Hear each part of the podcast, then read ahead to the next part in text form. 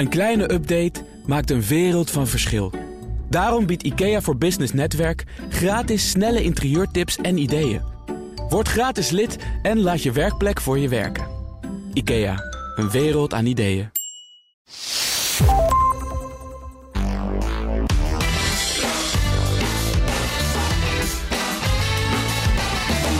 Welkom bij de Ben podcast, de podcast over persoonlijke groei en professionele ontwikkeling. In ons werk hebben we te maken met allerlei veranderingen. Vergrijzing, mentale druk, robotisering. Er komt nogal wat op ons af, nu en in de nabije toekomst. Hoe ga je er slim en goed mee om als professional? Hoe zorg je dat je future-proof wordt en blijft? Daar praat ik over met Maria Tims, hoogleraar Future of Work Design aan de Vrije Universiteit in Amsterdam. Welkom Maria, heel fijn dat je er bent. Dankjewel. Zeg, je bent hoogleraar Future of Work Design. Uh, ja, de verleiding is dan groot om te vragen: hoe ziet de toekomst van werk eruit? Ja, dat snap ik. En dat is een hele terechte vraag. En eentje waarvan ik natuurlijk niet met alle zekerheid kan zeggen dat ik hem ga weten. En ik, hij is ook niet te voorspellen. Ja. Uh, maar we horen nu natuurlijk heel vaak dat er dingen gaan veranderen in het werk. Er zijn een hoop veranderingen gaande.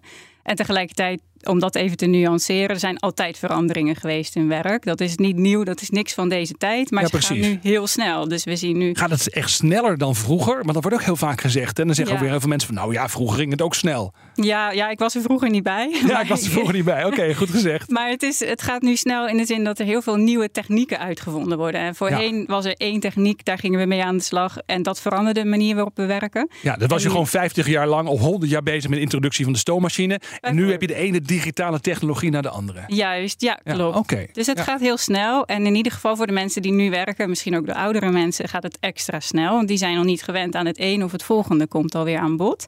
Ja. Um, dus ja, er gaan dingen veranderen. En dat heeft met name te maken met de manier waarop we gaan werken in de toekomst. Ja, ik, ik noemde net een paar uh, veranderingen die er op dit moment spelen. Uh, nou ja, ook mentale druk, vergrijzing, robotisering, uh, artificial intelligence zou je er ook nog aan toe kunnen voegen. waar kijk jij naar? Wat zijn de veranderingen die jij ziet en die jij met interesse volgt? Ja, ik kijk vooral naar het mentaal werkzijn van de werknemers. Zeker omdat ze nu een hele sociale rol gaan vervullen. Als je, ziet, als je denkt dat bijvoorbeeld heel veel geautomatiseerd gaat worden, ja. dan hebben we niet zo heel veel meer wat we op papier gaan doen of wat we gaan monitoren. Maar vooral ook dat heeft impact op hoe we ons voelen op het werk. En dat willen we natuurlijk zo goed mogelijk houden, omdat het voorkomt dat mensen uitvallen. Het zorgt ervoor dat mensen zich goed voelen. En niet alleen op het werk, maar ook thuis en uh, in allerlei andere situaties. Dus maatschappelijk gezien is dat een heel relevant onderwerp. Ja. En ik kijk dan met name hoe workdesign, dus de manier waarop ons werk is vormgegeven. En denk dan aan de taken die je doet, de verantwoordelijkheden die je hebt, de relaties met mensen in het werk. Hoe dat wordt beïnvloed door al die veranderingen en hoe we die kunnen monitoren en ook weer beïnvloeden op een goede manier. Zodat de mensen die het werk moeten gaan doen, dat die het ook op een goede en gezonde manier kunnen doen. Ja, ja zou je kunnen zeggen dat dat ook extra belangrijk wordt, juist door die digitalisering. Je hoort wel eens mensen zeggen van nou straks als we dan als die digitalisering nog verder doorzetten, die robotisering, het enige wat er dan nog overblijft voor mensen om te doen is het ja het werk dat alleen mensen kunnen doen. Maar dan moet je dus wel, je mentale welbevinden moet dan wel op orde zijn. Want ja, om dus echt voluit mens te kunnen zijn in dat werk en wat je dan nog als mens als werk te doen hebt. Precies, ja. Dus, dus, dus, wat er over kan blijven bijvoorbeeld, dat is juist het kritisch denken, het analyseren, complexe informatie samenvoegen en integreren. Ja. daar, dat vereist een hoop denkkracht. En, maar ook sociale vaardigheden. Computers kunnen die natuurlijk nog niet. Hoewel we niet weten waar dat naartoe gaat ontwikkelen. Maar ook het sociale vlak van het werk met mensen. Dat, dat moet natuurlijk goed kunnen gaan. Ja, ik vind het opmerkelijk. Je zegt net ook zeg maar, dat je dus heel veel informatie bijvoorbeeld, kritisch moet kunnen beoordelen. Maar ik, ik denk dat uh, bijvoorbeeld, nou ja, ChatGPT. Daar gaat natuurlijk al uh, maandenlang over op de radio ook. Maar ja, ik heb zelf een paar dingen geprobeerd. En ik moet eerlijk zeggen, de, de samenvattingen die worden geproduceerd door ChatGPT zijn beter dan van heel veel andere mensen die ik ze zo voorbij zie komen. Ja, dat zou kunnen. Ja, maar ook ChatGPT is nog niet uh, foutloos. Dus er zijn ook best wel heel wat experimenten mee gedaan. En hoewel het in veel gevallen goed zit, heeft het nog niet alles. Dus we zullen nog steeds moeten bekijken en kritisch moeten bedenken: is datgene wat ik nu krijg, klopt dat ook echt? Ja, precies. Maar dan moet je dus nog je vaardigheden op dat gebied nog weer verder vergroten of verstevigen. Want om dus uh, als het ware ChatGPT of al die robots die erna gaan komen, de maat te kunnen nemen als mens, moet je dus ook wel heel scherp zijn. Ja, zeker. Ja, je moet nog steeds weten waar het over gaat. Ja, en als dat sociale aspect, dat noem je dus ook. Dus eigenlijk, ja, als je des te meer stress je ervaart, des te slechter word je daar natuurlijk ook in. Dus dan moeten we proberen uh, binnen de grenzen van het, uh, nou ja, laten we zeggen, uh, effectieve te houden. Precies, ja. ja. ja, Helder. Um, maar ja, dat is interessant. Dan moeten we dus op een gegeven moment in de manier waarop we onze banen vormgeven, moeten we daarop letten. Maar laat ik eens eerst even beginnen bij de mensen die leiding geven aan dit hele verhaal. Dus die luisteren naar, die denken, oké, okay, dat is interessant. Ik begrijp dat we moeten zorgen dat mensen mentaal fit blijven om het werk goed te kunnen doen, wat alleen mensen nog maar kunnen doen mm -hmm. in de mhm. toekomst. Waar moet je als leidinggevende op letten? Waar je op moet letten is of het werk nog interessant genoeg blijft voor de medewerker. Of het past bij zijn vaardigheden, ambities, eh, de doelen waar een werknemer zelf naar streeft. Dus het wordt heel vaak worden veranderingen geïmplementeerd. Uh, maar er wordt eigenlijk niet goed gekeken naar wat houdt dat nou in. Dus wordt het werk uh, minder interessant? Wordt het misschien zelfs saai? Of kan het juist een toegevoegde waarde hebben? En dat is waar een leidinggevende oog voor moet hebben. Met name wanneer er dus grote veranderingen in de organisatie plaatsvinden. Ja, dus je moet eigenlijk met die verschillende medewerkers in je team rond de tafel ook gaan zitten. En dan gaan kijken hoe kunnen we, hè, als er weer veranderingen aan, aan zitten te komen. Of ook veranderingen binnen het bedrijf worden doorgevoerd. Hoe kunnen we zorgen dat jouw baan aantrekkelijk, leuk, uitdagend blijft? Al die dingen. Ja, wat is de invloed van die verandering op het werk? Dus wat gaat het overnemen en wat verliest een werkcrafting daar dan mee? Ja. Um, of wint, hè? Het is niet ja, alleen precies, een ja, precies. verhaal. Ja, ja. Want je kunt ook uh, zelf actief vormgeven aan je baan. Hè? Naar jobcrafting is al vaker ook in deze podcast over gesproken. Is bij BNR sowieso een populair onderwerp. Kijk eens aan. Ja, maar uh, dat is ook echt typisch iets waar jij je onderzoek volgens mij op richt. Ja, klopt. Dat is, daar ben ik um, 15 jaar geleden mee begonnen met onderzoek naar doen. Ja. En um, ja, dan gaat het dus echt over de invloed die je zelf neemt.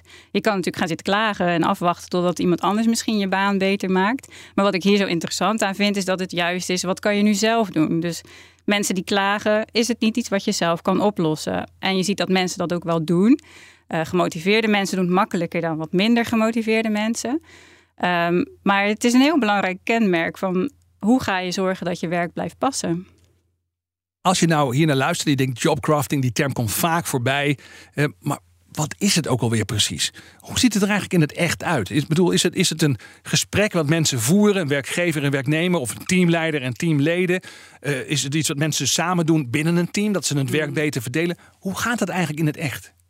In het echt, of tenminste waar wij vaak naar gekeken hebben in het onderzoek, gaat het juist om het individuele proces. Dus wat ga je als individu zelf aanpassen aan je werk, zodat het goed bij jou blijft passen? Dus welke taken ga je aanpassen, welke relaties kun je aanpassen? Uh, maar daarnaast is het niet alleen op individueel niveau. Je hebt ook wel teams waar je net al naar refereerde. Dus je kunt ook als team gaan bepalen. Zijn er dingen die we onderling beter kunnen verdelen? Zijn er taken die ik niet leuk vind, maar die jij misschien erg leuk vindt en interessant? Dus dat je, dan heb je het over teamcrafting. Dus jobcrafting kan dus op verschillende manieren. Um, kan het ook voor iedereen? Ik bedoel, ik kan me voorstellen dat je bijvoorbeeld als hoogleraar meer gelegenheid hebt mm. om, om je job te craften dan wanneer je bijvoorbeeld, nou noem eens wat, postbezorger bent. Ja, het is, uh, dat is een heel vaak gestelde vraag. En um, in principe zou iedereen die mogelijkheid moeten hebben, maar natuurlijk in verschillende maten en misschien verschillende mogelijkheden, verschillende opties. Dat is dat het vaak gegeven antwoord ook waarschijnlijk. Dat is een heel vaak gegeven ja, precies, antwoord. Ja. absoluut. Maar dus je zei postbode. Ja, dus bijvoorbeeld. Dus, ja, dus ik had pas hoorde ik dat een postbode bijvoorbeeld heel veel uh, gecontroleerd wordt. Uh, waar met GPS, waar ben je, waar staat je fiets op slot. Er zijn zelfs mensen die dat gaan volgen. Dus een soort mystery guest in de wijk waar je post bezorgt. Ja, dat klemt natuurlijk een beetje het gevoel van jobkracht, het gevoel van vrijheid. Ja. Maar tegelijkertijd lees je dan ook, onze postbode schrijft een column in de krant dat ze heel veel waarde haalt uit het contact met de mensen in de wijk. En dat is een manier van waarop je weer meer betekenis kan geven aan je werk. Wat je kan vergroten zelf. Dus je kan je post bezorgen zonder een buurman aan te kijken. Maar je kan er ook een praatje mee houden. Zij houdt in de gaten van, nou, wat voor type kaarten komen hier? Goh, hier zijn wel heel veel kaarten bezorgd. Wat is er aan de hand? En op die manier kraft zij haar werk om het betekenisvol te maken. Terwijl er dus eigenlijk best wel weinig ruimte is. Maar er is altijd wel iets wat je kunt doen. Grappig, hè? Dus hangt ook wel een beetje van de creativiteit van de persoon zelf af, denk ik dan. Ja, waar zie je de opties en trek je daar al uh, naartoe? Ja. Goed, er zijn dus allerlei dingen die je kunt doen om je baan in een uh, andere richting uh, uh, ja, vorm te geven. Ik zag een heel leuk voorbeeld in de oratie van jou voorbij komen. dat ging over een anesthesist, geloof ik. Ja, ja, dus dat was na een jobcrafting workshop die ik had gegeven. En daarin kijken we altijd vooruit. Van wat zou je nu in je eigen baan met deze kennis die je hebt, wat zou je nu volgende week bij wijze van spreken kunnen gaan aanpassen? En deze mevrouw die dacht, ik heb zoveel taken in de loop van de jaren erbij gekregen. Niet allemaal kan ik ze meer doen. Ik loop er een beetje op leeg. Maar ik ga nu eens kijken wat er overblijft als ik mijn collega's de ruimte geef om taken bij mij weg te halen. Dus die had op haar op haar bureau allerlei post-its geplakt met taken, relaties, verantwoordelijkheden. Eigenlijk alles wat er voor haar, wat haar betreft, wel weer van afkomt. Oké, dus niet alleen maar de rotklussen. Want dat zou ik dan misschien denken als je zo'n voorbeeld hoort. Zo van allemaal werk wat ze niet leuk vond. Maar ook dingen die erbij waren gekomen. Waarvan ze dacht, nou misschien vindt iemand anders dat gewoon wel leuk. Ja, ja misschien past het bij dienstontwikkelingsprofiel. Uh, Misschien is het gewoon interesse. Dus, en ik geloof dat ongeveer 80% van de posts had er echt heel veel. Ja. Uh, toch ook weggepakt werden. En dan zon op eigen keuze. Dus dan ben je als team een beetje aan het kraften. Dus de een raakt taken kwijt of verantwoordelijkheden, wat er niet meer precies bij past of wat ze zelf waarvan ze dacht, ja, dat hoeft van mij eigenlijk niet meer. En de ander krijgt de mogelijkheid om daar weer mee verder te gaan. Oh, dat is wel interessant. Maar als je, als je dat echt helemaal zou doorvoeren, zou er in theorie de mogelijkheid bestaan dat je aan het eind van de dag denkt, nou, als al die posters weg zijn, zo van, oh, dat was dus mijn, Ja, dat, dat, was mijn baan. Ja. ja, nee, als het goed is, zijn het, het, uh, jobcrafting is niet een helemaal een nieuwe baan of alles weg, wegcraften. Nee. Er blijft natuurlijk altijd een, een bepaalde reden waarom je aangenomen bent. Ja. En die was bij haar ook heel duidelijk. Ze dus haar kerntaken bleef ze doen? Juist. Ja, oké. Ja, ja. en dat is ook wel belangrijk natuurlijk, want het blijft wel werk. Je moet er wel... Uh, aan het werk blijven. Nou, ik snap het wel. Ik kan me voorstellen dat heel veel mensen zoiets hebben. Nou, ik heb een aantal kerntaken. Ze lopen de tijd van alles bijgekomen. Dit zou een leuke manier zijn om de dingen die erbij zijn gekomen eens een keer te verdelen. Omdat het voor sommige mensen een kans is, terwijl het voor de anderen een belasting is. ja. ja. Grappig, je geeft die workshops over, je doet er onderzoek naar. Je hebt heel veel van dit soort leuke voorbeelden, maar pas je het ook zelf toe? ja, ja ik, uh, ik ben wel van het uh, practice what you preach. Um, dus ik ben zelf ook heel kritisch naar waar ik ja tegen zeg op mijn werk. Om ook te voorkomen dat ik niet straks een tafel vol met post-its heb van alles wat er in de loop van de jaren bij is gekomen. Ja. Um, en daarnaast zal ik ook proberen om keuzes te maken die in lijn liggen met wat ik wil en wat ik interessant vind, wat me uitdaagt. En keuzes die daar niet op aansluiten, die zal ik ook, daar zal ik ook nee tegen zeggen. Ja, ja precies nee zeggen tegen dingen. Dat denk ik waar heel veel mensen ook over, over denken. Als het gaat over jobcrafting. En, en dan heb ik begrepen dat er ook een soort varianten zijn van jobcrafting. Je kunt een soort approach crafting doen. Dus dan zoek je naar dingen die erbij kunnen om je meer te ontwikkelen. Maar je kunt dus ook avoidance crafting doen. En dan wil je dus van dingen af. En, en is er nou verschil in de mate waarin dat werkt? Is dat avoidance crafting, dus vaker nee zeggen tegen dingen? Uh, nou, ik kan me mm. voorstellen dat collega's het lang niet altijd leuk vinden. Klopt, ja. Dus er is ook uh, voor approach crafting is inderdaad heel veel bewijs dat het een positieve uitkomst heeft. Vooral voor het individu. We weten nog niet zoveel over hoe een team bijvoorbeeld reageert op het feit dat een ander elke keer de staken erbij krijgt. Ja. Uh, maar voor avoidance crafting zien we wel het tegenovergestelde. Dus het heeft wat minder goede relaties met prestatie. Mensen scoren ook wat hoger op burn-out als ze bijvoorbeeld aangeven dat ze dus taken veranderen of uh, verlagen eigenlijk. Ja, precies. Ja. Dus mensen die eigenlijk al op een punt zijn aangekomen te zeggen: ik moet vaker nee zeggen tegen dingen. En, en, denken in termen van, van vooral het vermijden van dingen als het gaat om jobcrafting. Dan zijn er al meerdere dingen eigenlijk aan de hand. Dan moet je ook eens meer naar je mentale welbevinden gaan kijken. Ja, daar lijkt het zeker op. Het lijkt, we weten nog niet helemaal hoe het causale verband loopt. Maar het zou heel goed kunnen dat natuurlijk iemand die al tot op zijn uh, nok gevuld is met taken, dat die zich al niet zo goed voelt en daardoor vaker nee zegt. Je luistert naar de Ben Tichelaar podcast, de podcast over professionele ontwikkeling en persoonlijke groei. Hoe gaat ons werk er in de toekomst uitzien? En vooral, hoe geven we daar zelf vorm en inhoud aan? Vandaag praat ik met Maria Tims, hoogleraar Future of Work Design. We hebben net gekeken naar uh, wat een werknemer kan doen om zijn of haar werk aan te passen, zodat het beter bij hem of haar past. Maar, maar welke rol speelt eigenlijk de werkgever in dit verhaal? Ik ben heel benieuwd, uh, zou je bijvoorbeeld zeggen, zou je suggereren, het zou goed zijn als dat ook onderdeel wordt gewoon van je arbeidscontract? Ja, daar ben ik steeds meer van overtuigd geraakt. Dus we zien jobcrafting bijvoorbeeld als iets wat heel persoonlijk is. Maar workdesign is echt iets wat de verantwoordelijkheid draagt van zowel de werkgever als de werknemer. En daarom uh, denk ik dat het steeds belangrijker wordt om daar ook bij stil te staan tijdens een bijvoorbeeld een jaargesprek wat er is. Ja. Ja, en, en ik zeg net, moet het dan onderdeel zijn van een contract? Moet je dat ook echt formeel afspreken met elkaar? Dat is een interessante. Contract weet ik niet, want er zijn natuurlijk altijd. Een contract is niet meer flexibel. Terwijl ik denk dat het werk, wat we, en zeker het werk van de toekomst, steeds flexibeler gaat worden. Dus ik denk dat het vooral een onderling uh, akkoord is, een onderling gesprek is van waar wil je naartoe, wat wil je ontwikkelen, wat zou je los kunnen laten en hoe kunnen we daar elkaar in, uh, in vinden. Ja, ja, ik ben altijd een beetje benieuwd. Ik, wat ik vaak hoor is dat werkgevers best wel uh, geïnteresseerd zijn in dit soort dingen. En ook werknemers wel. Maar als je dan eenmaal bij elkaar rond de tafel zit om dat voortgangsgesprek te voeren, dat het er dan vaak niet over gaat. Dus moet je toch iets verzinnen om, om te borgen dat het ook gebeurt. Dat er iets van een soort governance op zit of een soort, soort afspraken. Mhm. Hoe kun je zorgen dat je dat niet vergeet? En dat je dus vaak te laat zal ik maar zeggen, begint met craften. Bijvoorbeeld als het werk al te veel is geworden. Ja, ja, dat is natuurlijk nu vaak het geval. Dus we, in plaats van preventief is het vaak toch dat we pas op een te laat moment dat gesprek gaan voeren. En dat is een lastige. Ik zou ook niet weten hoe we dat 1, 2, 3 oplossen. Waar ik zelf mee in mijn hoofd zit, is een soort protocol van wat er gebruikt kan worden tijdens zo'n jaargesprek.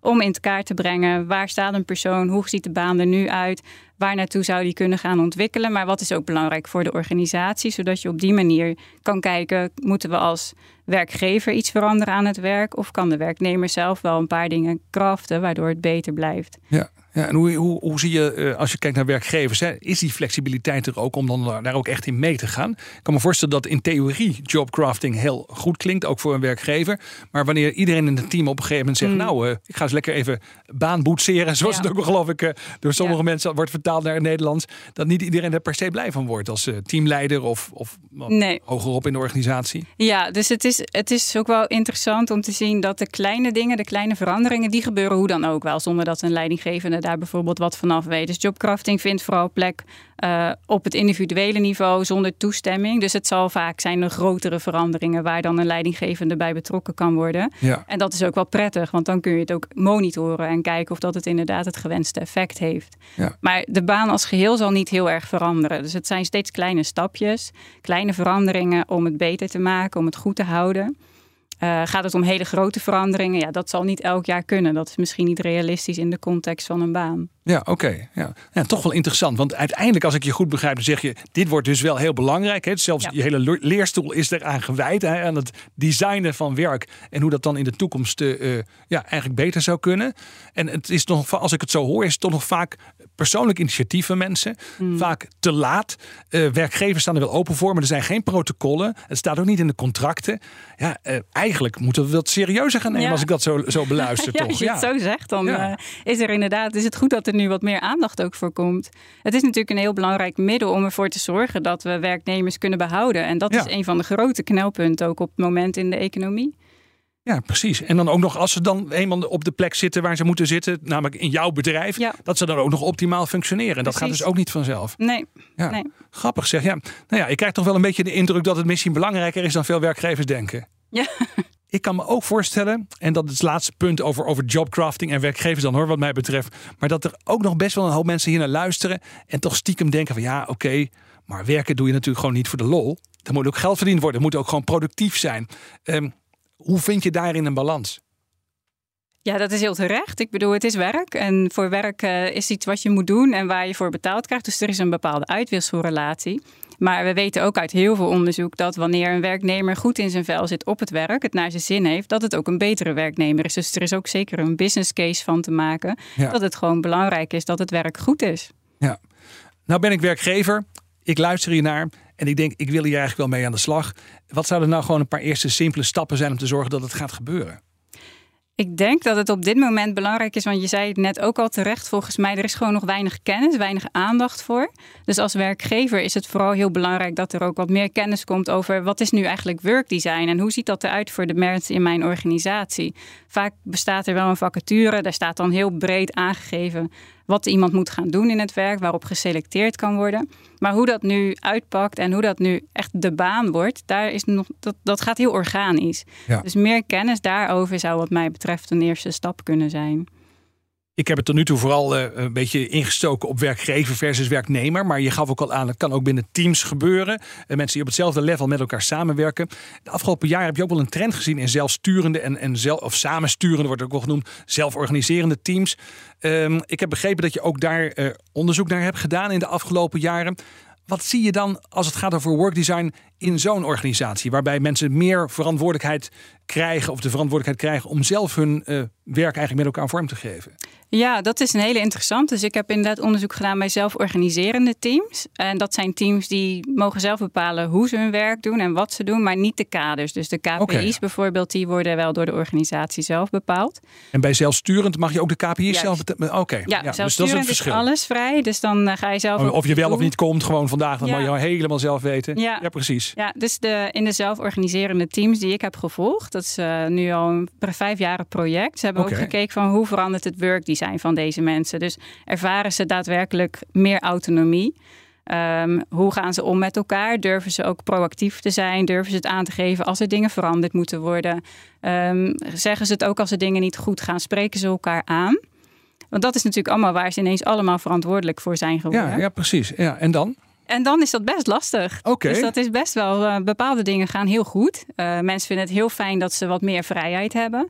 Maar tegelijkertijd is het toch ook wel heel erg moeilijk om aan te geven van nou, eh, je doet je, je werk niet goed genoeg. Of je bent wel heel vaak uh, te vroeg naar huis. Dus elkaar aanspreken vonden ze heel moeilijk. Ja, dat is dan toch liever een rotklusje dat we liever bij een manager neerleggen. Dat is toch fijn als een leidinggevende dat kan doen uh, en, en daarop in kan grijpen. En um, ook de proactiviteit is niet altijd even vanzelfsprekend. Dus je laat alles gaan met het idee dat je dus heel veel nieuwe dingen terugkrijgt. Mensen zullen zich meer verantwoordelijk voelen en daardoor meer initiatieven nemen.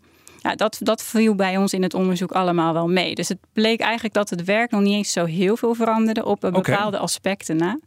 Zoals leiding geven aan elkaar. Ja, precies. Ja, en we hadden net over avoidance crafting. Ik kan me voorstellen dat het ook iets is bij zo'n ja, zelforganiserend team. Dat dat een beetje een lastig dingetje is. Dat je zegt, nou hier wil ik dus nee tegen zeggen. Maar goed, waar ik dan nee tegen zeg, komt dan automatisch bij die ander terecht. Ja, ja dus er blijft altijd iets over. En dan is het inderdaad de vraag, hoe ga je daar als team mee om? En ik ja. heb verschillende benaderingen gezien in teams. Dus wat meer uh, succesvolle teams die beter samenwerkten. Die maakten dan bijvoorbeeld een rouleerschema. Dus dan doe jij de ene taak, doe jij een half jaar en dan gaat een ander hem overnemen. Ja. En andere teams waren dan ineens heel directief en die zeiden dan nee, jij gaat dat nu doen.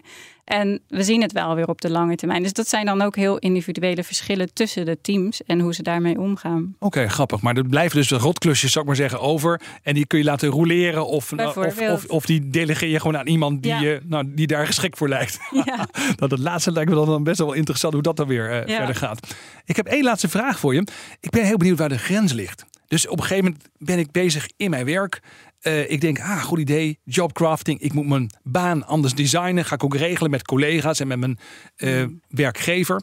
Maar als je nou op een gegeven moment realiseert dat je wel heel veel moet veranderen aan je baan. Mm. om het een beetje aantrekkelijk te maken. Wanneer zeg je van, goh, ik moet eigenlijk gewoon iets anders gaan zoeken? Um, ja, dat is een hele leuke inderdaad. Want wij zeggen altijd, je gaat juist kraften zodat je niet weg hoeft. Maar je kan niet alles craften, inderdaad. Dat, zei ik eerder ook al. Je hebt toch een bepaalde functie. Je moet bepaalde dingen doen, daar ben je voor aangenomen. Ja. Nou, als je merkt dat je die gaat proberen weg te craften, dan is het misschien een hint dat je wel eens een keer verder zou mogen kijken naar ja, een precies. andere baan. Dus je wil nog wel de recepties doen en je wil nog wel naar de conferenties, maar het echte werk vind je gewoon eigenlijk niet zo leuk meer. Ja, dan... Hij kende wel een paar hoor, trouwens. Ja. Uh, nou, dan is het misschien tijd om eens te na te denken of je op de goede plek zit. Maar de grens wordt ook aangegeven door collega's bijvoorbeeld en door leidinggevenden. En dat vind ik ook wel interessant qua in het onderzoek dat we nu doen. Dat we wel ook kijken van hoe reageren anderen er nou, uh, nou op. En ja. ja. geven die het ook aan wanneer hun grens bereikt is. En dat zien we dus ook vooral met dat avoidance crafting wel terug. Ja, dan zeggen op een gegeven moment je collega's of je leidinggevende zegt van ja, sorry, tot hier en niet verder. Ja, ja, ja. die gaan dat dan echt ondermijnen en aangeven van nee, dit, dit gebeurt gewoon niet. En dus is het uh, de jobcrafting niet succesvol. Nee, dan moet je gewoon weer wat vaker op LinkedIn op zoek naar de volgende baan. Wie weet. Ja, hartelijk dank uh, Maria Tims, uh, hoogleraar Future of Work Design aan de Vrije Universiteit in Amsterdam. Heel leuk dat je mijn gast wilde zijn. Heel graag gedaan, leuk. Dit was de Ben Tichelaar podcast. Maria en ik praten nog even door. Ze heeft namelijk ook nog een mediatip en een werktip voor ons. Die vind je binnenkort ook in de podcastfeed. Net als alle andere afleveringen, werktips en mediatips. Voor nu, dank voor het luisteren.